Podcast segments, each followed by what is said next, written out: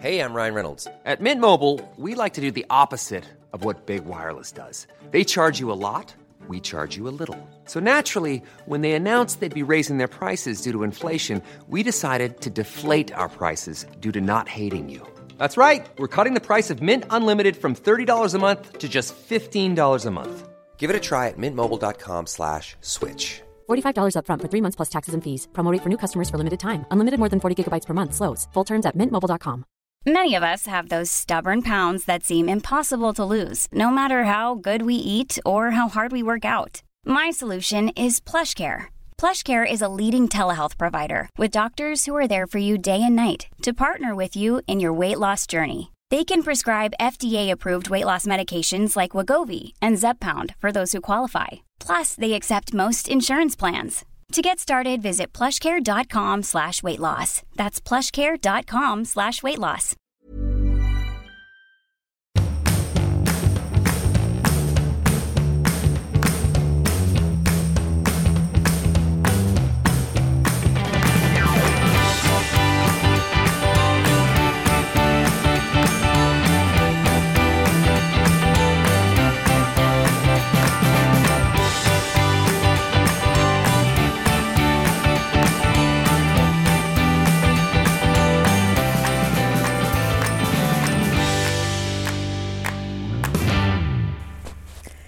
Tio dagar av 31 har du nu haft vit månad. Mm. Och hur känns det då? Tråkigare. Om jag ska vara ärlig. Ja, men det känns inte som att det så rinner ut Nej. onda andar i kroppen. Det gör ju faktiskt inte tyvärr. Jag tror att man måste ha... Ja, man liksom, som jag har gjort då, sen ja, slutet på juni. Druckit vin, lite, lite mer, ibland mycket. Eh, under eh, hela sommaren. Mm. Månader. Prata inte om det. Då Nej. tror jag kanske inte att kroppen svarar på att det är någonting som har hänt i systemet efter tio dagar. Nej. Det kräver nog lite till. Men jag bara kände att jag så här, nej men jag orkar inte liksom gå in i hösten och vara sunkig. Nej, jag fattar vad du menar. Alltså att jag bara kände att och september är en rätt bra månad att liksom vara vit, för det är inget riktigt superkul som händer. Nej, men, men det är bara att säga att det är, så här, det är mycket i det här landet och liksom i de flesta delar av världen där man inte har alkoholförbud och måste smyga med det. Så är det mycket som kretsar kring alkohol. Alltså för mycket. Ja, för mycket. Och jag Ja. märkte också att så här, Jaha, vad ska jag göra nu då? Ja. Att den liksom kom. Nej, men och så pratade jag med en kompis som inte dricker alkohol av kulturella orsaker. Liksom. Och, eh, och jag var så här, hur ska vi göra nu? Hon bara, ja fast jag har ju aldrig druckit så, att, vi kan nog umgås ändå. Jag bara, ja vad gör man då? Går man på biot eller Mm. sportar man? Nej, men, För man kan väl inte äta middag utan alkohol? Förstår du liksom Ja, inspirationstorkan på att, eh, ja, så här, att det är så himla lätt att bara Saker och ting kretsar. Ska vi ta en A? Vi ska ta en drink? Ska vi gå och ta ett glas vin? Ska vi käka middag? Eh, men ska vi ha Ska en brunch? Ska vi, ja Mm. men du vet liksom. Ta ett glas framför TVn. Ja, men alltså att det där Mm. glaset, att vi liksom svärmar runt det på ett jävligt märkligt sätt. Och det, det perspektivet har jag liksom inte riktigt haft förrän eh, jag gör såna här då och då, vita Mm. perioder. Och nu är jag inne i en sån vit period och eh, mycket träning eh, och eh, kost och så. Så jag bara tänker att så här, bra, få en detox, får vi se vad det händer sen. Precis. Jag Det känns, det- det känns bra i alla fall. Ja, men det känns också, är det inte så att man tar ett beslut? Istället för så här smågegga och bara så här, men då tar jag ett glas vin till helgen. Ja, så men är det bara så här, nej, det är liksom nada, det är nolltolerans, det är niente. Nej men alltså så här, det går Zero. inte att bara säga att jag ska ha en vit månad, men på fredag får jag dricka för att då har Maggie fest. Mm, precis, då sparar jag mina två enheter. enheter. Nej, utan nu är det liksom cold turkey. Ja. Det är en stenhård månad. Och vi har börjat på bootcamp. Ja, Det är också mysigt. Det är så här, det måste jag ändå säga, om man vill ta tag i någonting så ska man ju göra det i gruppterapi. Ja, utav, olika, utav olika slag, ja. Ja, Ja. alltså så här, bara man gör det med några andra, då är det helt plötsligt ett lit, en, en, li- liksom en liten hög av grus att bestiga. När man gör någonting själv, då är det Mount Everest. Men skulle jag gå liksom upp klockan sex, som jag gör nu på morgonen för att gå till det här bootcampet, eh, och veta att inte du är där, Mm. då skulle det vara rätt piss omotiverande. Men man ska gå med ett par kompisar eller en. Alla Och så tar man en liten frukostering efteråt och Ja. tjötar lite. Nej, det är så bra. En killkompis till mig, han är eh, helt otippat. eh, Han har ganska dåligt sin relation. Så han har sagt, nej men jag orkar inte gå omkring och tänka på det här längre. Jag måste, säga, jag måste fokusera på någonting som förändrar min bild av mig själv lite grann. Så då har han anmält sig till så här, eh, morgonyoga. Jaha! Mm, två gånger i veckan. Jag tänker så här, man har ju, efter en sommar så har man ju en annan bild av sig själv. ja, men man går in i sommaren med så den här sommaren då ska jag så sporta och ta lite lugnt med vinet och liksom ska hålla fräschören. Och så gör man det ett litet tag och sen blir liksom urartar alltid, tycker jag, mot mitten av juli. Ja. Då är man så äh skit i det. Ge mig en bakelse. Ge mig lite chippipinni. Ge mig en drink. Alltså, det är lite som att det blir så mer och mer flamboyanskt under men sommaren. grejen var när jag- Särskilt om det är fint väder. Ja, men när man var mellan så här 20 och 30, då kunde man ju göra det utan att det sen satte sig. Jag kunde ställa mig framför spegeln och bara Gud, jag har gått upp tre kilo! Och så på en vecka senare så hade jag gått ner tre kilo. Det är för mig, liksom, ja men vadå? Jag gick ner 300 gram på hela förra året. Och liksom låg i sån jävla hård träning och hård deff och allting. Och det är så här, mig, det, det spelar liksom ingen roll vad jag gör längre. Det tänkte jag också på under min olycka här nu. Ja, du har ju varit på båda aftontidningarna. Gammelpress. Ja. Gammelpress. Ja, För gammeltackar. Gammeltackar. Det var ju också roligt att du också är så, vi är också så osentimentala du och jag. Ja, totalt. Totalt. Du bara skickar en bild. Jag blir påkörd. Jag bara shit, fan vad jobbigt. Och så ringer jag dig. Va, men vi hörs sen. Ja, bra. så är det inte så mycket mer med det. Nej, men jag har tänkt lite på mig själv där. Jag blir liksom... Så länge du är vid liv så är väl allting bra. Precis, men så kan jag ändå bli så ledsen och besviken så här. Jaha, det var, inga, det var ingen blombukett från, eh, från pubberspojkarna. Det var ingen grandios middag. Alltså att jag, blir, jag framställer mig som, jag tar tunnelbanan hem. Liksom, Ja, du- sitter med du- någon krage. Jag är död, halvdöd. Men sen så bara tar jag av mig kragen och så tar jag tunnelbanan hem och så handlar jag lite glass till alla och liksom ställer mig och lagar mat. Och då, sen blir jag superledsen att ingen typ tycker synd om mig. Ja, för att ingen du liksom inte heller vill ju bli om syndad. Nej, det, måste, det är det enda svaret på varför jag beter mig så här. För att du skulle ju kunna liksom gå... Du skulle kunna unna dig själv att gå lite i barndom där och bara nej. ja, för det är Alltså, inte så att det inte gjorde ont, eller fortfarande gör Men det. det är ju, du är ju liksom helt ba- sönderskrapad, ja. Ja. jag säga. Jag var ju hemma hos dig dagen efter och då var, gick du ju runt och halta och var liksom lite ämlig. Liksom.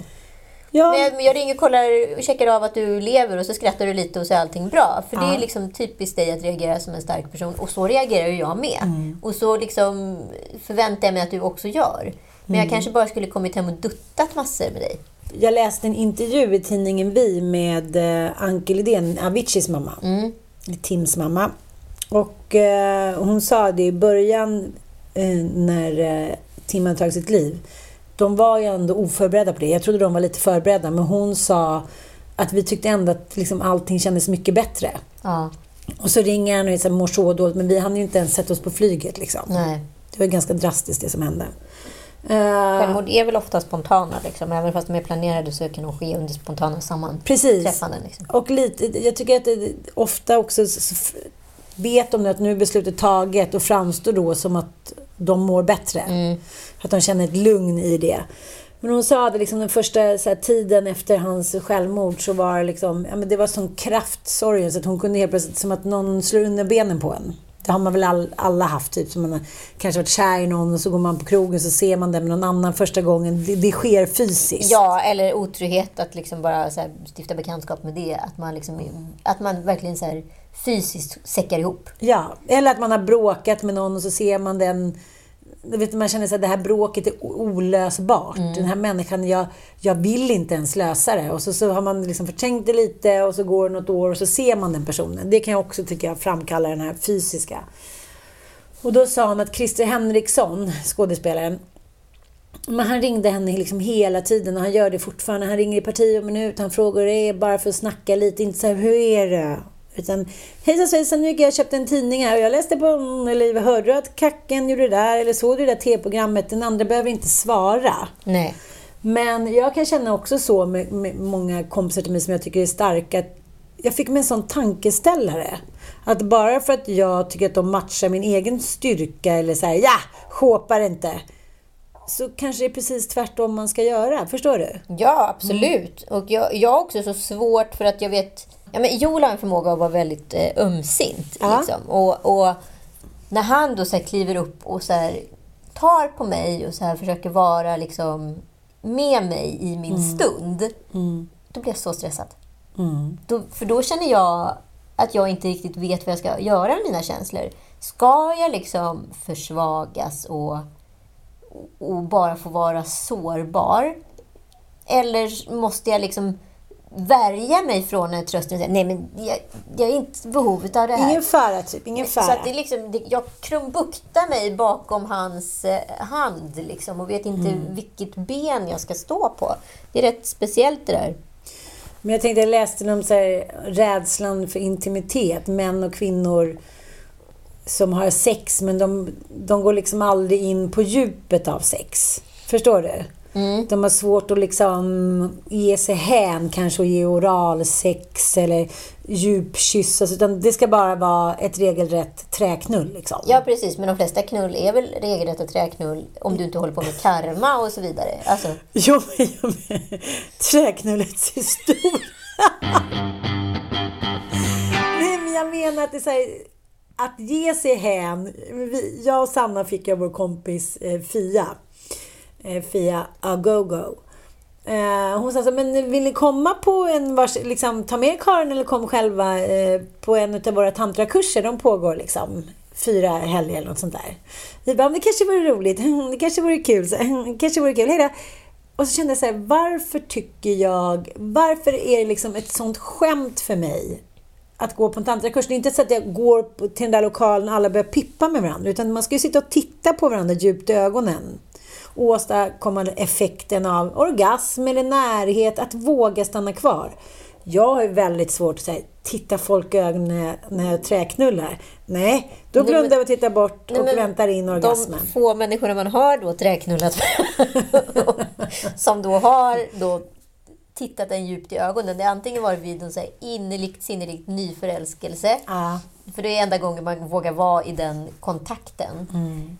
Eller så är det en psykopat. Ja, Det finns inget mittemellan. Förutom tantrisar då. Och jag kommer ihåg när vi var på Hamra krog när jag och Mattias var nykära och jag såg liksom, vi var, ja, men Nisse och Fia var där och det var liksom, vi var ett stort gäng och de kallade honom för Börsmäklaren. Är det den nya killen Börsmäklaren? Han hade kort hår. Den enda i Och hade rökte inte båten. Nej men, eh, jag kommer ihåg att jag tyckte det var lite jobbigt. Förstår du? Ja. När man är nyskild också och umgås med lite yngre, då har man ju en bild av sig själv. Men så här, lite skön och lätt loose. Ja. Loose cannon. Vad som helst kan hända. Ja. Eh, men jag var ändå kär i honom och så under den där kvällen så liksom var vi på den där restaurangen och det kom in folk. och Jag, jag såg liksom hur han tittade på mig. På ett sånt där sätt som är så vackert så att man tänker så här. Okej, eh, om jag tittar tillbaka nu då är jag så smoked salmon. Ja, men då är jag så sårbar för då ser han att jag känner likadant. Så runt med blicken i skyn på klassiskt så här, "Lu, lu, lu." Och sen så dagen efter så då åkte bil. Då var vi på Fårö. Jag bara stanna bilen, stanna bilen, jag har panik, jag har panik. Han bara jaha, ja, stanna bilen. Ut i någon kohage. kan vi få lite råmande kor, Amanko? Ut i någon kohage på liksom flykt från kriget i Det är Ukraina. de här typ. grejerna som kommer upp då när du skriver dina, dina noveller till honom Ja, under PMS. precis. Då kommer jag var tvungen att gå ut på kohagen. Ta, tittar du på mig en gång till, då dör jag. Du tar inte på mig, då dör jag. Och då blir det dubbla. Titta på mig sådär en gång till, då dör jag. Titta inte på mig sådär en gång till, så dör jag. ja, men det var en gemensam kompis som sa att eh, hennes eh, partner liksom mest ville ligga när han var full eller bakis och sådär. Vilket det är då man...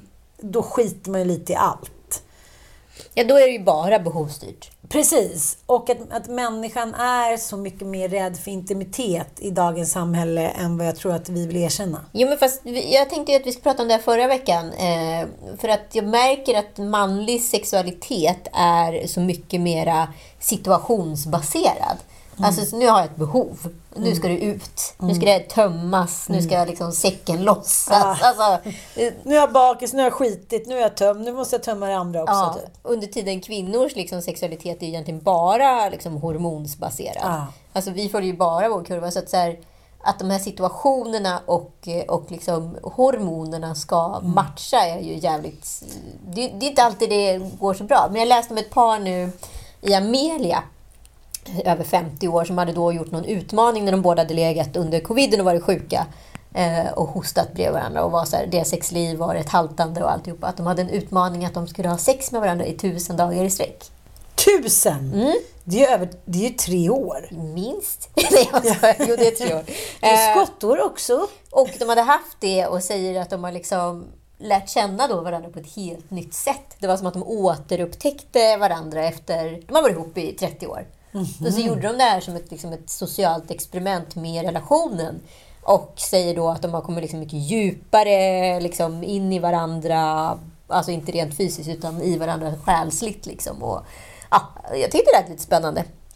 Ja, det är jättespännande men för mig är det tusen timmar i sträck kanske jag skulle kunna...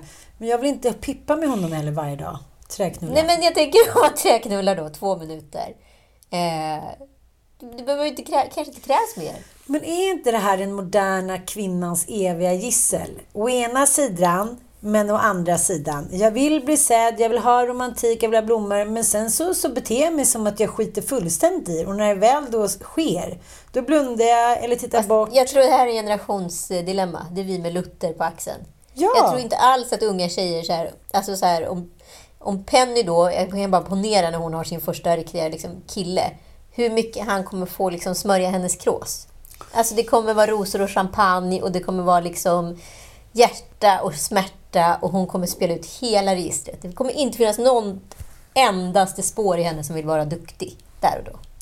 Fattar. Men det handlar ju också om så vi som är uppväxta och hade vår liksom, sexdebut eh, sent 80-tal och tidigt 90-tal.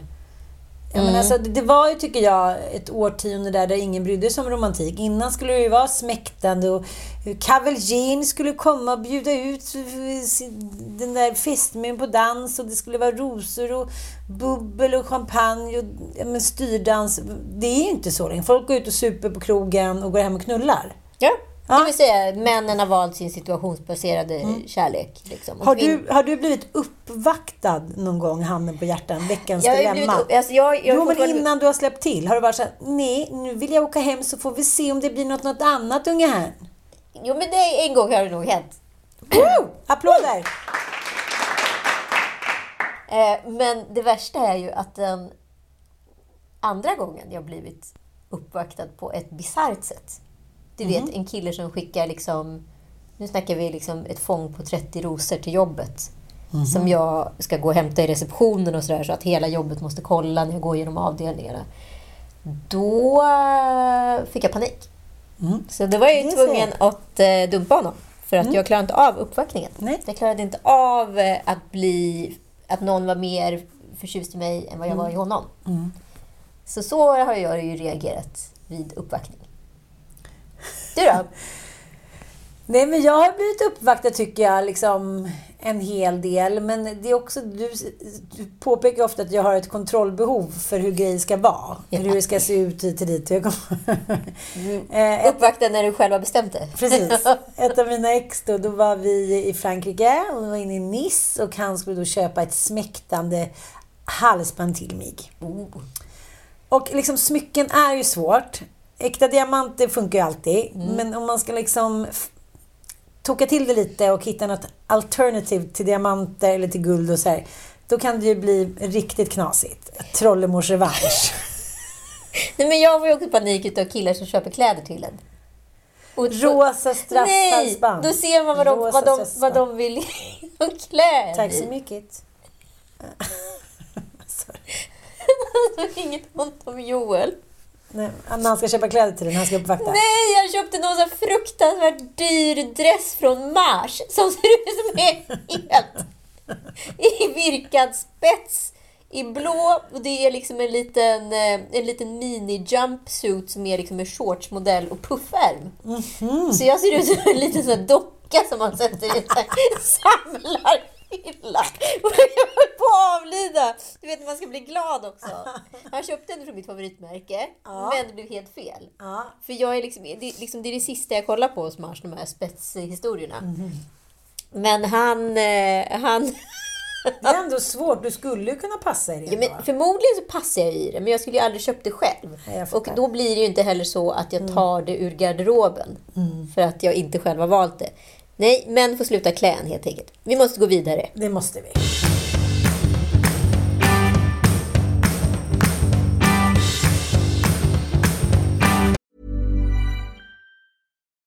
Life is full of what ifs. Some awesome, like what if AI could fold your laundry? And some, well, less awesome, like what if you have unexpected medical costs?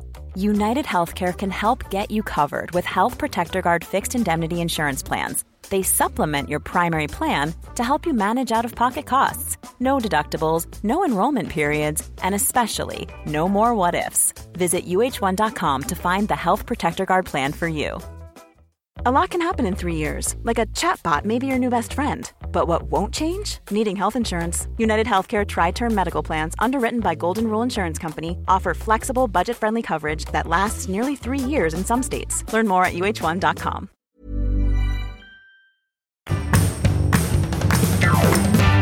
Ja, vi har fått lite blandad kompott här på reaktionen av vår eh, förra podd angående Hanna Hellqvists program Sommaren i Grums. Ja, Grumligt i Grums heter ju vårt Ja, avsnitt. exakt. Jag har tänkt lite på det där och eh, jag tog upp det senast igår under eh, kycklingmiddagen med min eh, svärdotter, höll jag på att säga. Ja, det blir det väl. Eller blivande hoppas jag. Och eh, Eh, nej, men de höll nog ändå med att det är liksom lite märkligt just nu att kvinnor eh, på något sätt, det handlar nog inte om att vi ska ge igen. Men det finns några år nu, som också var under tidigt 90-tal, där de är Fittstim och liknande, där ingen överhuvudtaget gick in och redigerade kvinnor eller unga människor. Nej. Man fick liksom bete sig lite hur som helst för att det var en sån ungdomskult. Alla tyckte att det var så roligt med den här nya spännande journalistiken med listor och uteliv och krogen och liksom, det var så här genier som skrev. Expressen Fredag, det var liksom någon kult kring det där. Mm. Eh, så de, de... Och sen sa de, det kanske bara är så att det måste vara några år nu där det här behovet ska tillfredsställas. Att ni kvinnor... Så man hamnar på någon even Steven situation sen igen, men jag sa, men då är det tusentals år, det kommer inte gå. Men, men jag, det spelar ingen roll. Jag, jag behöver inte hamna på even Steven. Jag vill hamna på even. Jag vill att vi ska leva liksom... Människor ska leva ett jämställt och jämlikt liv. Inte att vi ska nu få någon fri lejd och vara sexistiska tillbaka. För det som händer är, tycker jag... Vi springer bara runt i samma cirklar. Ja, men det som jag känner med Jonathan Unge, men då, det någon påpekade var att de är ju kompisar. Typ Lennart Hyland, om han började tafsa eller liksom säga, vara sexuellt aggressiv mot någon anställd så är det ju inte alls samma sak. De är ju verkligen polare. Och då tänker jag så här, ja... Jo, Ja, och det ja. kan de ju vara. Och så här, Jag har väl också sådana relationer med mina killkompisar ibland. Liksom. Men, eh, men vad heter det, det som blir konstigt är ju att premissen blir ju då för alla tv-tittare att man måste ha den här förkunskapen. Om det är första gången man ser dem tillsammans, om man inte har sett Alla mot alla eller På spåret, så blir det ju en rätt märklig situation för tv-tittaren och mottagaren. Och jag tror att alla som har suttit och bearbetat det här programmet i olika faser på SVT och produktionsbolag och så vidare har liksom varit lite hemmablinda bara i den här processen, för det här skulle aldrig kommit med. Nej. För det är en märklig situation och det är inte speciellt kul om man inte har förkunskapen att de är bästa, bästa polare. Men alltså, jag tycker så här, det pratas ju inte heller om varför hon är sexuellt aggressiv. Alltså, då tycker jag att det hade varit en annan Freudian touch på det. Att det är så här, ja, det- är så här, du försöker bli gravid på egen hand. Det liksom har inte legat så mycket. Du bor ju här alldeles själv. Liksom en, både en kvinna och man, got a, got a fuck, typ. Alltså jag tycker att det hade, skulle lett vidare till en diskussion om att kanske vara 40 plus eller bo alldeles själv ute på landet. Att inte Vara hitta- sexuellt aggressiv. Ja, att, att inte hitta någon karl hit och dit. För till slut, om man inte får sex och närhet, då blir man ju aggressiv. Ja, Bingo hade skrivit ett inlägg lite om det här för ett tag sedan. För Katrin skriver ju rätt mycket om hennes sexliv öppet på sociala medier. Precis. Och eh, hon, eh, med den äran, hon skiter ju liksom blanka fan i om folk tycker att hon går för långt. Ja, gud ja. Hon ser det som sin rätt. Liksom. Ja. Och eh, då skrev han eh, att, eh, ja men dels så skrev jag att hans nuvarande flickvän är mycket yngre än vad han är. och eh, att Katrin brukar liksom berätta om de här unga killarna som hon träffar på stan och som vill gå hem och ligga med henne. De här som de så här, studden som orkar en hel natt. Typ. Och det som han sa, så här, ja, men jag är jätteglad för hennes skull att hon liksom får ligga med de här, du vet, the machines typ. Och att de vill ligga med henne, att de åtrår henne. Men jag bara tänker om, i samma kontext, om jag skulle pratat om liksom unga tjejer på samma sätt. Ja, men då tog jag den där ofärdiga diamanten typ och gick hem och lärde upp henne och låg... Ja, men mm. inte ordagrant. Skulle det vara så fräscht? Nej, det går ju inte. Nej, det gör ju inte det. Och då undrar jag lite så här... Om vi nu har stått ut med det här alla år, med den här obehaglighetskänslan som är när man är inför ett kontext, till exempel på ett möte, någon går förbi en och nästan tar en på brösten och säger och så nära att jag tog dig på brösten nu och så skrattar alla. Varför skulle någon tycka att det är kul? Det går över ens integritetsgräns. Och det tycker jag är samma sak här. Varför skulle, även fast man är kompisar, varför skulle man tycka det var mysigt? Jag har ju haft killkompisar som jag tycker går över gränsen på mig. Mm. Jag känner så nej, det var inte alls sugen på att du skulle liksom ta på min kropp på det här sättet eller säga om det. Varför ska det bara för att man känner varandra, då får man bete sig hur fan som helst. Eller jag fattar inte, vad är kontentan? Men jag, jag hade en gammal killkompis som så här, tog sig friheten att kalla mig för n-ordet. I, för att ni var så bra kompisar? Typ. Alltså, vilket skapade en sån så obekväm stämning. Dels var inte liksom jag helt förankrad i det här och tyckte väl kanske inte att det var svinkul. Nej, det fattar jag väl. Och dels så blev ju exakt alla runt omkring också superobekväma. Och han då hela tiden sa så här, men det är okej för vi är kompisar. Var det hans svar när du sa någonting? Det sa du ingenting? Nej, men jag var lite såhär, skratta med. Han var ju liksom, vad ska jag kalla det för? Han var lite högre rang än mig i, mm. i vissa sammanhang. Liksom. Men var det så här, min, min lilla en-troll eller? På vilket sätt ja, sa precis. det? Ja, ska du säga din lilla? Okay, ja, det funkar. Ja. Mm. Eh, och då, och då blev det liksom så, så han så här, gisslan tog liksom allas känslor med mm. det här begreppet. Mm. Och det blir ju lite så hela tiden. Oj, nu håller du emot. Ja, det blir ju lite så hela tiden att man, att man liksom man tar sig friheter över andras rättigheter på något mm. sätt. Och det... Det, det är aldrig härligt tycker jag. Och det, man kan bete sig så mot både barn och djur och att man är såhär, jag bestämmer vem du är och du ska bara underordna dig. Det är det det handlar om. Paolo Roberto och Alexander Bard är på gång. Ja, de är på gång. Mm. De har då eh, startat en liten tidning, eller ska? Ja, precis. De ska starta en tidning med namnet, håll i er nu, Non Grata. Ja. Lite roligt Alltså det som jag tycker är så tragiskt i den här liksom, grejen, det är ju att alltså säga och tycka vad man vill om Alexander Bard. Eh, han ska absolut inte vara en person som är på Twitter eller i någon form av socialt mediesammanhang för han kan absolut inte hantera det. Men han är fortfarande en jävligt duktig, påläst snubbe, eh, tankesmedieforskare och så vidare, filosof. Vass och med värme tycker jag. Ja. Att han ska då beblanda sig med liksom de här andra personerna, någon gratas. Mm. Det tycker jag är dumt utav honom. Men det är också dumt av alla de här non gratas, hur de skjuter sig själva i foten gång på gång. Jag förstår inte ens hur, kan, hur de kan gå längre. Nej, men också de har världens göttigaste liv, de har världens liksom, göttigaste media... Ja, men de, har, de, de exponeras på ett positivt sätt, trots att de är special guys. Ja, men jag är också så här, jag är inte pro liksom, cancel culture i den här tidseran. Eh, där vi liksom hela tiden belyser någons misstag men inte vad som har föranlett det. Jag tycker att liksom, några män kanske har farit liksom lite illa, eller kvinnor också för den delen, i, i vissa sammanhang och situationer. Vi säger du har gjort fel! Jaha, men vad fan, ska, det var ju helt okej fram till igår och nu är det fel. Liksom. Mm. Men Paolo är trots allt dömd för ett brott och liksom har absolut avtjänat sitt straff. Men när han hela tiden simmar runt i, den här, i det här klidret utav att han inte känner sig skyldig. Då mm. fortsätter han liksom slå sig själv neråt på något sätt. Mm. Bard, han är inte dömd för någonting. Han bara var jävligt dum i huvudet och plump mm. i liksom sociala medier. Och det, det tyck, om, kan man ju verkligen den lärde tvista om. Men whatever, liksom. Han har inte gjort någonting. Varför ska han in i det här gyttret och gegga? Liksom? Mm.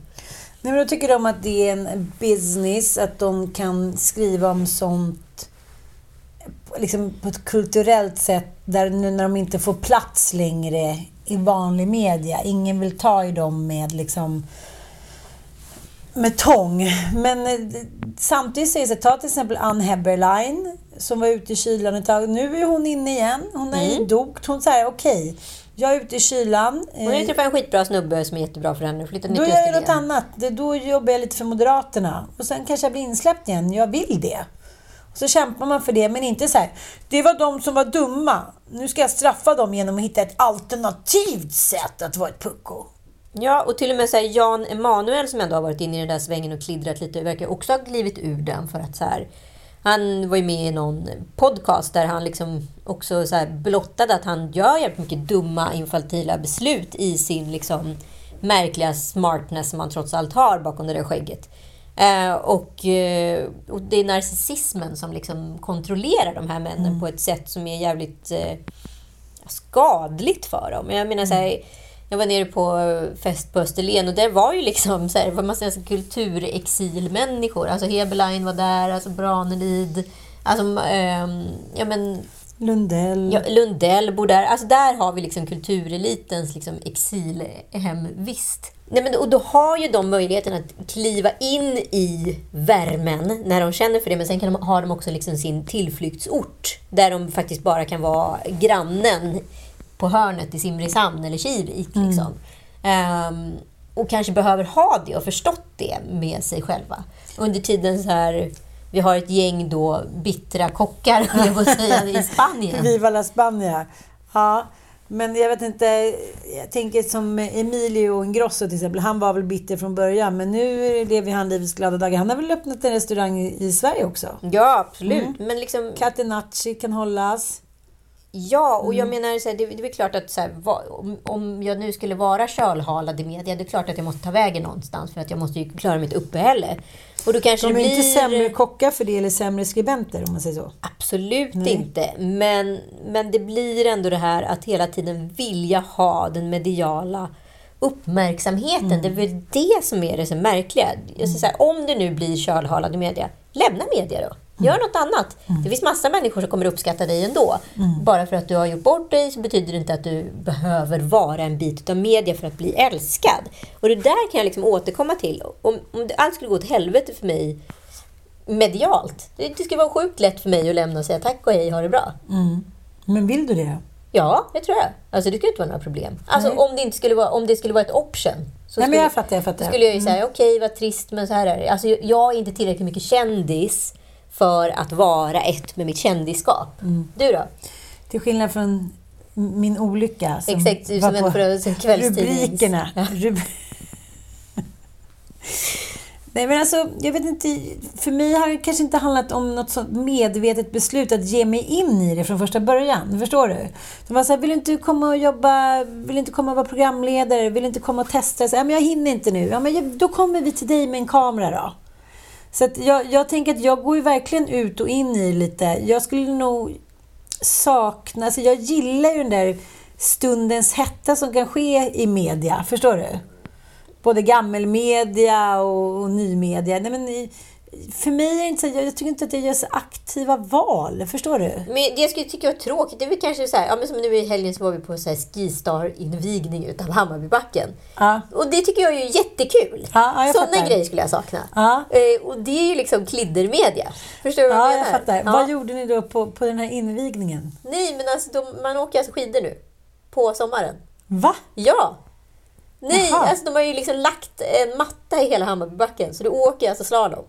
Jaha! Ja, och det jag var uppe och klättrade i såna här klättertorn. Just det, det hörde jag. Men gick det att åka skidor? Nej, men alltså det var liksom mindblowing. För det känns likadant. Nej! Jo! Och det är inte snö? Nej, det är inte snö. Det är en grön eh, liksom, matta. Så man vill ju inte ramla, liksom, för att då kommer det göra rätt eh, ont. Liksom. Men det var ju som att åka skidor. Nej! Och det är helt grönt. Alltså det är en sån mindfuck, alltså när man måste typ göra det där. Ja, men skitsamma. Ja. Men eh, sådana grejer skulle jag tycka var så här. Ja, det är sant. För det är, liksom lite, det, det, är ändå lite guldkant. Ja, det är det verkligen. Jag tycker, det där har varit en såklart, man har ju varit bortskämd ganska många år med Gud. guldkanten. Ja, och jag tror liksom inte... man fattar hur bortskämd man har varit förrän man är, ur det. Nej. Så det är lätt att sitta här och vara kaxig. Men eh, ja, ja, jag tänker att så här, de kanske sprattlar då, Mm. baserat på vår egen självrannsakan här. För att få någon form... Alltså, man är ingen ifall man inte syns. är det det är som svider? Ja, det gör väl det. Särskilt när man också har varit så otroligt mycket i rampljuset som båda de har varit i så många ålder. år. De är ju inte 22 längre. De är Nej. liksom, vad är de, 52, 58 typ. De är Ja. ju gubbar. Så det är klart att eh, narcissismen måste ju liksom fyllas på. Ja, men såklart. Mm. Nej, men jag, jag har tänkt på det så himla mycket att det är så svårt för mediamänniskor, människor som varit rampljuset, att kliva av. För det var lite som när Madonna firade sitt 15-årsjubileum eller vad så var det så att när hon slog igenom då på 80-talet, då brukade en poptjej ungefär vara i rampljuset ett par år. Sen var de liksom ute. Men idag finns det ju nya sätt. Så här, då är jag konstnär. Då är jag designer. eh, Då är jag Estradör. Precis, det finns ju många, om man är liksom kreativ, begåvad och har kontakter så kan man ju hålla sig fast på ett helt annat sätt. Ja, men kolla liksom. bara på Anna Bok liksom. Hon gör ju ingenting, men hon är känd ändå. Och med. Precis. Ja, och nu kan hon ju vara sin egen kändis eftersom hon sänder från sina egna kanaler. Då. Ja, precis. Det finns ju alltid en möjlighet att hålla sig kvar. Och är man tillräckligt crazy bananja eller begåvad eller rolig så finns det alltid en publik. Den behöver kanske inte vara tusenhövdad, men, men eh, det finns ju. Ja, men jag tänker verkligen på så Annika Strandhäll som sitter och så här maratonsänder livesändningar på sin egen mediekanal. Jag har inte sett henne på en enda valaffisch och jag, någonting, nu vet jag inte om det stämmer, men att Maggan Andersson kanske inte vill ha med henne i nästa liksom, regering. Det är ju också roligt att hon då är ja, miljöminister och nu är hon den som har mest då resor med, eh, tjänsteresor med taxi och så vidare. Flyg. Ja, och, alltså hon lever ju verkligen inte som hon lär och nu är då hennes en, enda liksom, socialdemokratiska kanal hennes egen feed. Det finns något så fruktansvärt bottenlöst sorgligt i det här. Ja, men hennes livslängd som minister kanske borde stoppats med att någon säger så här, vet du, nu räcker det. Men i och med att hon har sin egen kanal att sända och Ja. skapa sina egna nyheter och propagera för sossarna, för att det är ändå hennes kall. Det här är en ungdomsrörelse, att vara med i Socialdemokraterna. Det är någonting som följer med en hela livet. Man föds och man dör sosse liksom. Eh, men bara för det så kanske man inte liksom är längre aktuell för ett regeringsuppdrag. Men jag tänkte också på det att, att säga, jag tror att det är svårt. Jag skrev också till Bingo när han gjorde det där inlägget, är det okej att ha en yngre partner? Så skrev jag så här, idag är det ju inte så himla lätt när alla är fixade. Man går ut på krogen och jag tycker det är svårt att veta om folk är 20 eller 30, 40 eller 50 liksom. Eh, vilket gör att det blir lite grötigare, att man köper grisen i säcken på ett annat sätt. Och eh, Ossian sa till mig, så, kan du sluta hålla på och åka moppe nu på tio minut så här, i ett shorts och liksom svänga och jag vet precis hur du är när du liksom kör på där. Så, ah, du tycker du är lite ball liksom. Du, du, liksom, mamma, du är 50 nu, du kanske bara får ta det lite lugnare. Du kanske inte har samma liksom, ja, men förmåga att upptäcka saker i tid. Så det kanske, jag bara, va? Nej, det, det har inte alls med det att göra. Utan, och så Klipp tänk- till pang. Precis, klipp till pang. Och det är svårt för oss att acceptera att vi blir äldre. Dels för att man kan så här, kamouflera det.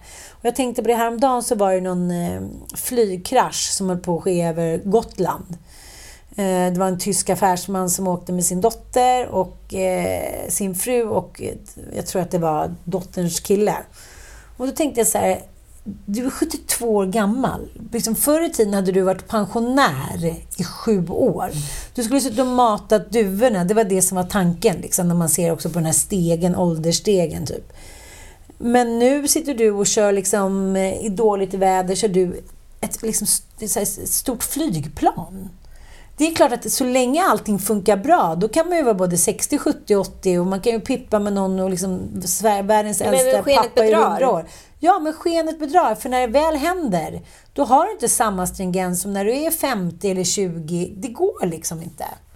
Och jag tror att det kan lura oss lite, att man känner sig så jävla stringent och viril upp i åldrarna för att man kan träna, man kan käka gott, man kan få lite nytt blod, man kan hänga med, man kan vara snygg, bla bla bla.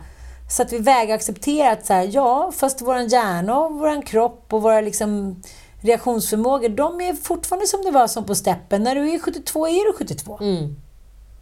Och det är liksom, det är lite läskigt tycker jag. Ja, ja, ja nej, men jag tycker det är märkligt. Ja, men alltså skenet bedrar. Alltså, vadå, en, en 60-åring idag kan ju se ut som en 40-åring, men jag känner ju själv liksom att så här, i och med att jag är en yngre kille så finns ju också kravet på mig på ett annat sätt att vi, när vi ska ut och så springa ihop eller träna ihop att vi, jag ska hålla en viss eh, hastighet. Och liksom, jag känner ju att så här, min kropp är ju idag, alltså den, den ömmar ju efter ett träningspass på ett sätt som det inte gjorde när jag var yngre. Eh, att det är en större liksom, återhämtning i hela processen. Och eh, man vill liksom inte riktigt veta av det där. Nej, så man låtsas inte om Jag vill inte det. vara liksom ryggskotts-Ulla. Nej. Liksom. Men jag tänker också det att det hände när jag födde Frasse. Att jag var så här, istället för att ta de där signalerna på allvar, att det är så här halvframfall och bassängkänslan i Mutelondi, så var det så här, det är nog ingen fara typ. Det är nog ingen fara, för att det har ju gått så bra innan. Och jag tror att det där händer många, att det är flaskhalseffekten. Man bara, men jag kan ju vara ute och festa hela natten. Jag kan ändå gå upp och köra mina lines när jag ska skådespela eller vad det nu handlar om. Och sen då så bara funkar det inte längre. Nej. Och det är svår acceptans. Därför jag tror så många kör rätt in i kaklet. Liksom. Ja, och apropå rätt in i kaklet, snart är det val. På söndag. I know! Ja, Nej, men jag, jag, liksom, jag har ändå hängt med en del här på slutet. Och jag liksom, det som jag blir mest provocerad av utav allt är nog faktiskt valaffischerna. De här korta, förlåt, så jävla töntiga budskapen. Strängare straff, mer poliser på gatorna. Vi ska ta hand om åldringarna. Alltså allt det där. Men vad, så här, vad kan jag få någon jävla politiker som både så här, ett förklarar och tar ansvar för hela processen. Ja, men som exempelvis, om vi nu tar då strängare straff. Vad betyder det? För det är nämligen så att det är liksom fullt i våra fängelser. Så att det är jättemånga människor just nu som sitter hemma i fotboja. Eh, och liksom eh, sitter och väntar då på en fängelseplats. För det finns inte tillräckligt mycket fängelser. Skönt ändå. Ja, och sen så då ska vi då sätta igång och bygga fängelser. Ja, men då är ju det en arbetsprocess. Men sen ska vi då rekrytera till kriminalvården som är en av de mest oattraktiva jobben idag. Och SD är ju till och med så hårda så att de har en bild på ett flygplan. Som så här, eh, att de ska skicka Mysigt. hem brott, brottslingar liksom. Tåg och flygplan, bara stoppa in dem, bunta in dem bara. Ja, eh, och då, då är det liksom helt iskallt att de säger vi ska bara köra hem dem. Men jag har en kompis som jobbar som polis och gränspolis. Det är, ofta så vill ju inte länderna då ta emot dem. Så de här brottslingarna då med utländsk bakgrund, de blir då utskickade tillsammans med poliseskort från Sverige för att sen då få flyga hem tillbaka till Sverige med poliseskort och då sitta i någon form av häkte på obestämd framtid och ingen plan för det här finns. Så att alla de vi då påstår att vi ska skicka hem, de sitter på häkten idag i Sverige. Eh, Just nu så gjorde TCO en stor mätning för, typ två år sedan att man har insett då att det är ett sjuårs glapp mellan de som går i pension och de som är nyexade jurister. Alltså för skolan idag vill ju bänka folk så länge som möjligt för att det tjänar ju de pengar på ur ett utbildningssystem. Och det är samma sak med lärare och läkare, många sådana här typer av tjänster. De skolutbildningarna är all, idag egentligen alldeles för långa för att funka i, i rulliansen i samhället. Och, eh, så att det kommer alltså vara mer brott då, baserat på det här sjuårsglappet, eh, per befintlig jurist idag. Och eh, om vi nu ska ha hårdare och strängare straff och fler poliser på gatorna och allt det där. Eh, Kommer då, hur kommer då, vad händer då liksom med de jurister som ska de jobba ihjäl sig då? Eller hur, hur är tanken? Ni kanske ska hyra in jurister från andra länder. Ja, men kanske det. Nej, men jag, jag vill liksom se någon som förklarar liksom för mig och tar ansvar för hela processen. Det är ju samma sak med föräldraförsäkringen. Alltså att föräldraled, vara föräldraledig. Jag fick frågan och fick en del reaktioner på det för jag gjorde en sån här valbarometer bara för att faktiskt hitta min kärnfråga, vad som är viktigt i det här valet. Jag vill inte ha dem som en guide för vad jag ska rösta på men framförallt för att så här, belysa på så här, fan, de här tre, fyra grejerna tycker jag är skitviktiga. Och de politiska färger som allierar med dem, de, de kommer jag faktiskt välja. Ehm, och då var det många som var så jag tycker man ska välja själv i varje familj. För jag tycker att man ska dela på eh, Ja, föräldraledigheten. lätt. Det 50-50. enda sättet att, att komma någon vart fort. Ja, men också så här, komma till rätta med jämställdheten. För att så här, om det hela tiden, om det börjar nu vid barn ett, att eh, kvinnan är hemma mest, då, då kommer också hon missa en löneförhandling. Vilket blir då naturligt att pappan kommer också då jobba mest under nästa barn och då ökar hans lönekurva hela tiden under tiden kvinnans liksom försämras. Och i slutändan av livet när vi går i pension så får ju kvinnor ut 20 procent mindre än män. Och det här är någonting som belyses av Pensionsmyndigheten själva, så att de känner ju också att så här, det här är ett samhällsproblem. Tidigare såg det inte ut så här, för att då gjorde ju männen värnplikten. Så då var ju de borta i drygt ett år, ungefär lika länge som kvinnor är borta med barn idag. Eh, och då togs ju det från deras slut på livet, liksom, med själva pensionen. Så då fanns det ju en större jämställdhet utifrån det.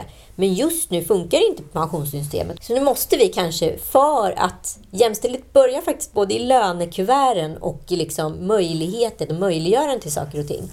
Så länge arbetsgivaren tycker att det är mer värdefullt att ha en man på arbetsplatsen än en kvinna så kommer män tjäna mer. Så det handlar inte bara om kön utan det handlar om att vi själva har satt oss i en situation där män jobbar mer för att det är bättre för kvinnor att vara hemma och så vidare. Men det är ingen bättring i det. Vi måste markera mot arbetsgivaren att vi är lika värdefulla. Det ska inte vara bättre att ha en man på jobbet än en kvinna. För att båda blir föräldrar. Men jag, jag måste säga rannsaka mig själv med de första barnen. Tänkte du så här, nej men nu tar jag hela den här mammaledigheten så nu kommer jag få sämre pension. Tänkte du på det? Absolut inte. Och det Nej, flesta folk inte jag heller. typ inte vet är ju att man kan då liksom retroaktivt eller parallellt beställ, liksom begära ut dagar från mannens pension och sätta in på sitt eget konto. Men det är så få som vet och det är Mm. Ja. nästan ingen som berättar det heller. Så att så här, Nej men det fattar inte jag. Att, att, här, att det inte finns mer upplysning kring det ekonomiska. Det känns som att alla går in i någon form av bebisbubbla när de blir gravid. ja, Varför kan inte barnmorskan säga det? Det Man svarar som- på tusen frågor. Så här, hur ser din ekonomi ut? Är du medveten om att eh, du kan förlora massa pengar på det här? Bla, bla. Inte någon sån fråga. Så här, har du druckit alkohol de senaste två veckorna? Ja, jag fattar att det är li- liksom jätteviktigt. Men ekonomin är ju helt bisarrt viktig. Absolut. Och jag, jag kan ju säga att så här, många säger men då kan man ju spara då och lägga undan pengar. Det året man har första gångs barn. Eh, jag tror inte jag liksom har gjort av med så mycket mer pengar på olika... jag liksom, all, vad fan, en barnvagn idag kostar runt 20 000. Så känner man Latten är ju svindyr. framför allt det. Nej, men jag Nej, menar men vadå, det. allt från liksom skötbord och grejer, alltså inköp av Mm. saker som man överhuvudtaget inte har behövt tänka på Mm. tidigare. Men det finns inget samtal. Jag, jag, jag vet inte, jag känner väldigt få människor, typ lady damer som är så här: I want half Eddie, jag skiter i Du har liksom inte ens gått en utbildning, du blir bra på att programmera. Jag skiter i liksom om du tjänar massa mer pengar. Jag eh, tar hand om dina barn och jag, vi ska ha liksom lika mycket kvar i slutet av månaden. Jag tycker den är så himla enkel egentligen. Som är så här, det är som pekfingervalsen på pianot. Så här, det, det, det, det låter alltid bra. Det, är liksom... Problemet är ju bara om man då håller på och begär ut hälften och så vidare. Det är ingenting som registreras till din inkomst. Så fortfarande kommer ju din Mm, pension i slutet av livet vara mycket sämre än Jo, din men det finns, ju, det finns ju massa appar nu också där man lägger in sin lön, man lägger in hur man är ledig med barnen, hur man vabbar, bla bla bla. Och sen så, separerar man och tror någon som bryr sig om det då. nej, men jag menar bara i slutet av månaden så räknar den här appen ut på 22 sekunder så här. Då ska du som snubbe eller du som tjej eller du som vilken konstellation man än är nu betala, sätta in det här på kontot. Och det sker automatiskt på vissa banker. Mm. Så, att så här, egentligen är det inte så svårt, men det är så svårt. Jag har kompisar nu som ska gifta om sig och äktenskapsförord, hur ska man bete sig? Och så fort det handlar om pengar, då är det som liksom den lilla sårade pojken eller flickan är och säger det är inte romantiskt. Det är inte hit utan nej, det är inte heller romantiskt att sitta och liksom leva på vetebullar med så här mögelsvamp i när du är 67. Det är inte roligt som kvinna och det är liksom the cold facts att kvinnor lever på skitpensioner i mycket större utsträckning än vad män gör. Mm. Och eh, om vi nu pratar om, om vi går då till liksom brottsligheten som är den andra stora valfrågan så pratar man ju så här, vi ska krossa gängkriminaliteten. Mm. Åh, vi ska krossa gängkriminaliteten. Nu gör vi det bara. Nu gör vi det bara. Ja, men jag läste en jätteintressant artikel i DN för eh, en dryg vecka sedan om eh, polischefen Magnus Sjöberg som är chef för det taktiska rådet vid nationella operativa avdelningen NOA hos polisen. Det är alltså han som håller på då med just gängkriminalitet. Att så här, det går inte att krossa eller vinna de här gängen. Det här är inga organisationer som man försätter i konkurs, säger han. Eh, och sen är out of business. Det här är liksom, det är lika med identitet. Det här är livsstils livsstilsgäng. Liksom, och det är mer komplexa liksom, strukturer. Och det går liksom inte att förenkla det på det sättet som valaffischerna eller politikerna vill framställa det. Ehm, Du menar med ADHD? Ja men alltså så här, det här är liksom eh, Det här är liksom våldsbejakande gäng där liksom död är lika med så status. Och så fort någonting är statusdrivet då, då, är, då, blir, då är det helt andra liksom parametrar. För då, då lever man i parallella samhällen. För då funkar inte normerna som styr i vanliga samhällsskiktet längre. Och eh, det är ju likadant här. Idag är det rätt lätt att liksom, smuggla in vapen till Sverige.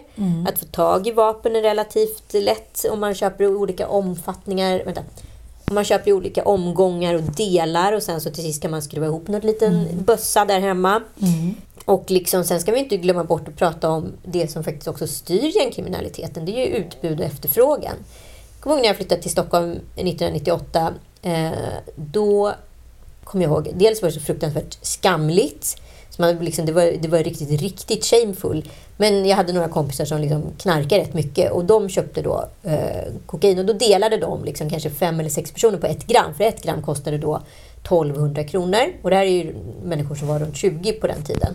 Eh, och eh, om man då, skulle, gå- om man gå- då går in på SCB och kollar vad 1200 kronor skulle vara med dagens penningvärde, då är det 44 procent mer, det vill säga lite över 1700 kronor. Så ett gram kokain idag borde då med den typen av ja, ekonomiska utvecklingen kosta runt 1700 kronor. Vet du hur mycket ett gram kokain kostar idag? Eh, nej, inte exakt. Jag har inte köpt så många gram senaste tiden, men det är ju inte dyrt. Det kostar under tusenlappen. Absolut, det kostar runt 700 kronor. Jag tror jag har varit på rätt många fester liksom senaste fem åren där människor i alla ålderskategorier tar kokain på ett sätt som absolut inte gjordes 1998. Eh, och det är intressant med att prisutvecklingen är liksom, det är typ det och resebranschen, det är de enda eh, liksom, branscher där det faktiskt blivit billigare. Och ingenting är speciellt bra för mänskligheten Nej.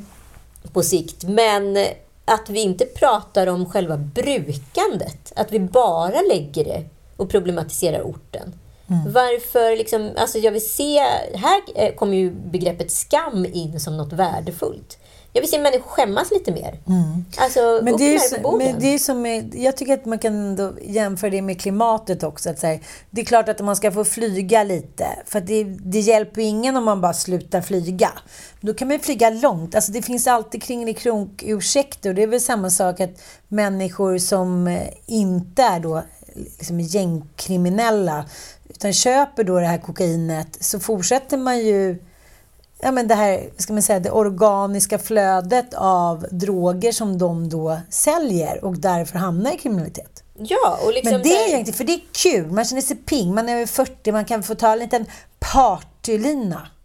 Ja, men det är, det är många som unnar sig olika saker. Precis som vi har unnat oss många coronahundar. En av de största smugglingsvarorna just idag är ju olika husdjur då. Och så kollar vi då på Blocket två år efter covid eller ett år efter covid. Det är rätt många hundar som är till salu nu. Så att den här, Såklart. eh, jag tycker liksom den här utbudet och efterfrågan borde belysas väldigt mycket mer. Och skuldbördan liksom. För att det är en väldigt egoistisk era. It's me, myself and I. Jag är värd, jag förtjänar, jag ska ha. Det är de andras fel. Vi pekar med hela handen till olika liksom, syndabockar men vi tar jävligt lite ansvar själva. Och jag tycker, jag tycker det också på något sätt strösslar över sig i många relationer man ser nu. Att det är så här, ingen vill ta ansvar någonstans. Ingen vill ta ansvar för barnuppfostran, ingen vill ta ansvar för gängkriminaliteten. Man vill bara säga, säga någonting. Ja, men det blir tuffare lagar, stäng in skiten bara. Alla vill bara så här, leva livet och flytta fram problemen. Så är det ju. Ja, ja, precis. Men jag känner ju att det finns en sån här domedagsstämning på allt vi gör just nu. Alltså jag tycker också så här att just nu som vi pratar om liksom att kasta ut flyktingar. Alltså just nu ligger liksom halva Pakistan under vatten. Snart kommer Bangladesh ligga under vatten. Då pratar vi om massflyktingar på 300 miljoner. Då Afrika, måste vi börja liksom Kommande svält. eh, rita om kartan och ta emot mer människor. Vi kanske till och med måste ha öppna upp stater för liksom Bangladesh och så vidare i Sverige. Det har vi ingen aning om, så att jag tycker att så här, ska vi klara en klimatkris, en kriminell kris och liksom en vårdkris och så vidare, då kanske vi måste börja tänka om och rita upp lite riktlinjer. Jag vill se mer liksom så här tankesmedjeverksamhet i valet. Jag vill ha mer liksom långsiktiga lösningar än tomma löften. Mm. Men jag tycker hela Sverige är omringat av att allt är nytt men inget har förändrats. Verkligen. Ja. Ja, vad tycker ni? Hör av er lite. Engagera er lite. Vi vill veta vad ni älskade lyssnare känner inför valet. Om ni känner någonting överhuvudtaget. Tusen tack för att ni har lyssnat. Vi hörs om en vecka med ja, en eventuellt ny regering. Jag måste bara säga en grej till. Vi har, Ja, inte pratat, men vi har ju inte pratat om det här. Det känns som att du har duckat mig. Vadå? Det här med din gamla kille, att han ska bli pappa äntligen. Nej, men så uppriktig lycka jag kände. Som Ja, att det jag med. fan vore mitt Jag egen, med. egen unge som skulle ut, plockas Jag ut vet, snart. i dubbel bemärkelse. Ja. Det kunde Nej, varit men- du. Det kunde varit du. Ja, jag är glad att det Ditt var. Itab-span, det, det är Men svårt. alltså, jag tycker de är sånt bra par. Till att börja med. Jag tycker de är så otroligt bra par. Det är Ja, match med made Lin, in ja, Le- för er som har missat eh, året, kanske årtiondets, kanske decenniumets, Decenniets bebis. ja, att Itab ska bli pappa. Jag, jag tror inte att det är svårt att finna någon som har velat bli pappa längre och mer. Sen har han säkert gjort halva Stockholm på smällen innan, men, men och att hon nu har massa barn. Han, är så, han uttalar sig, han är så nära. Och det, det är tinnitusen. Och, det, och hur ska han kunna liksom... Han vill ju vara med då med henne och de bor ju på olika ställen. Han bor ju svinnära mig i Bromma. Ja, just det. Det gör Ja.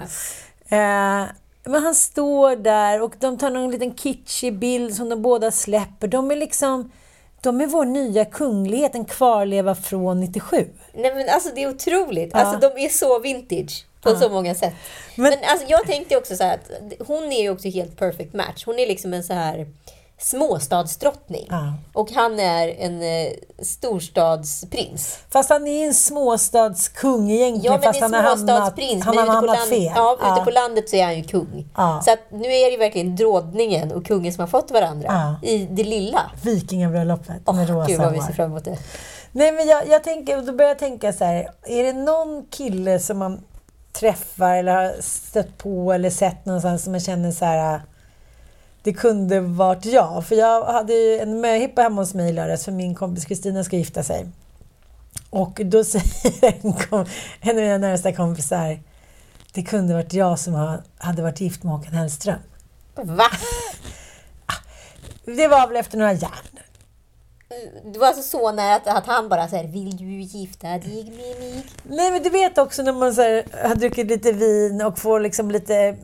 Ja, men självförtroendet kanske blir lite oproportionerligt i paritet till vad som hände där för 25 år sedan. Ja. Och då hade liksom... Då hade det varit någon plåtning och de hade varit liksom ett litet gäng och då hade han sagt är det någon som vill hänga med och ta en öl efteråt? Det var precis innan han slog igenom stort med Känn ingen sorg för mig i Göteborg. Kan vi få lite den låten i bakgrunden? Och då hade han sagt och då sa alla nej. Och då ville hon säga ja.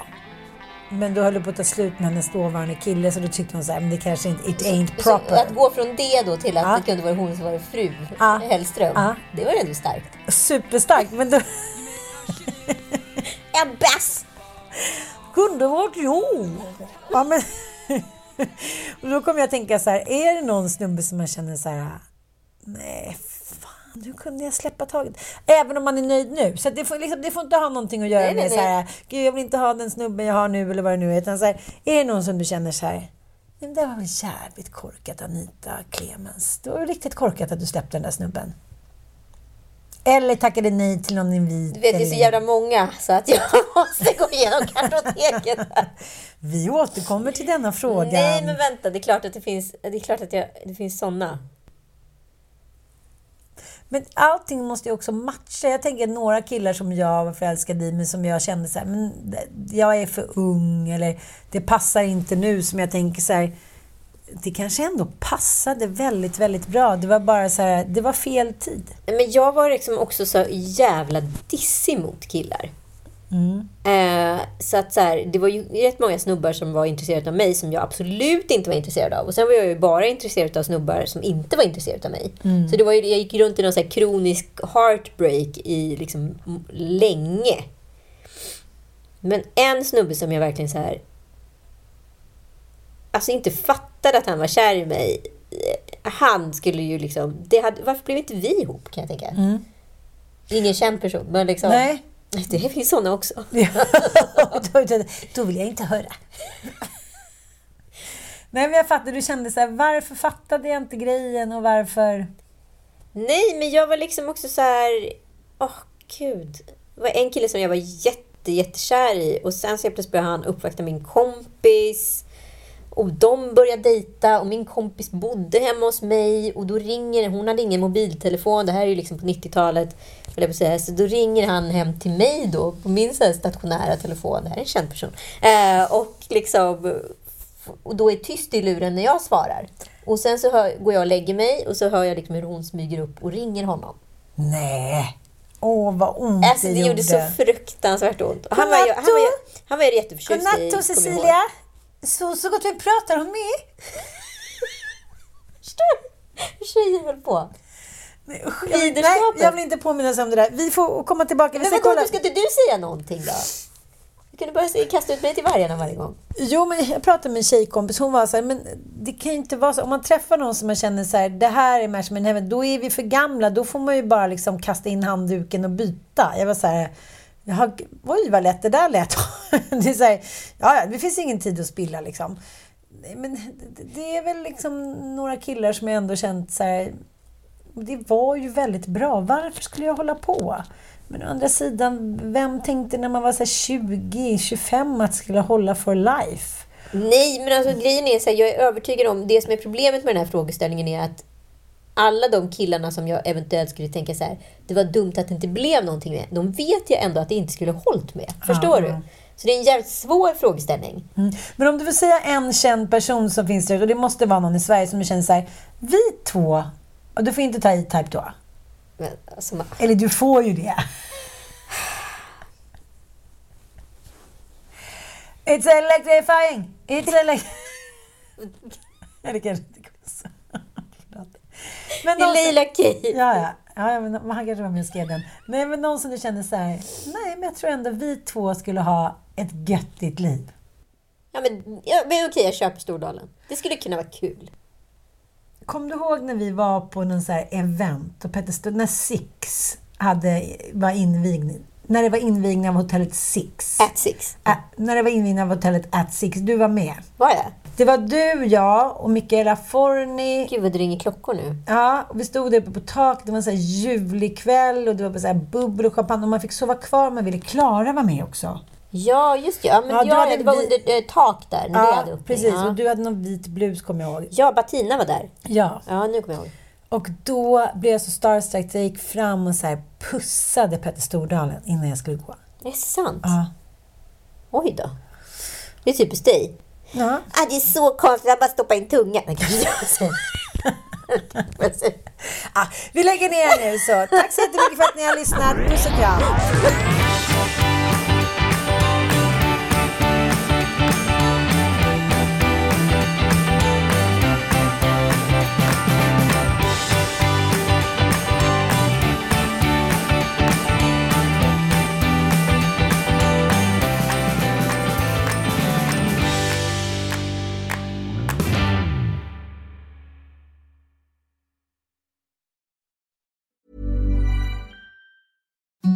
Imagine the softest sheets you've ever felt. Now imagine them getting even softer over time. That's what you'll feel with Bowl and Branch's organic cotton sheets. In a recent customer survey, 96% replied that Bowl and Branch sheets get softer with every wash. Start getting your best night's sleep in these sheets that get softer and softer for years to come. Try their sheets with a 30-night guarantee. Plus, get 15% off your first order at bowlandbranch.com. Code BUTTERY. Exclusions apply. See site for details. Planning for your next trip?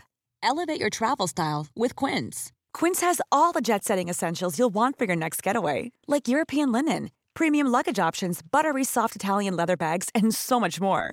And is all priced at 50 to 80% less than similar brands. Plus, Quince only works with factories that use safe and ethical manufacturing practices. Pack your bags with high-quality essentials you'll be wearing for vacations to come with Quince. Go to quince.com/pack for free shipping and 365-day returns.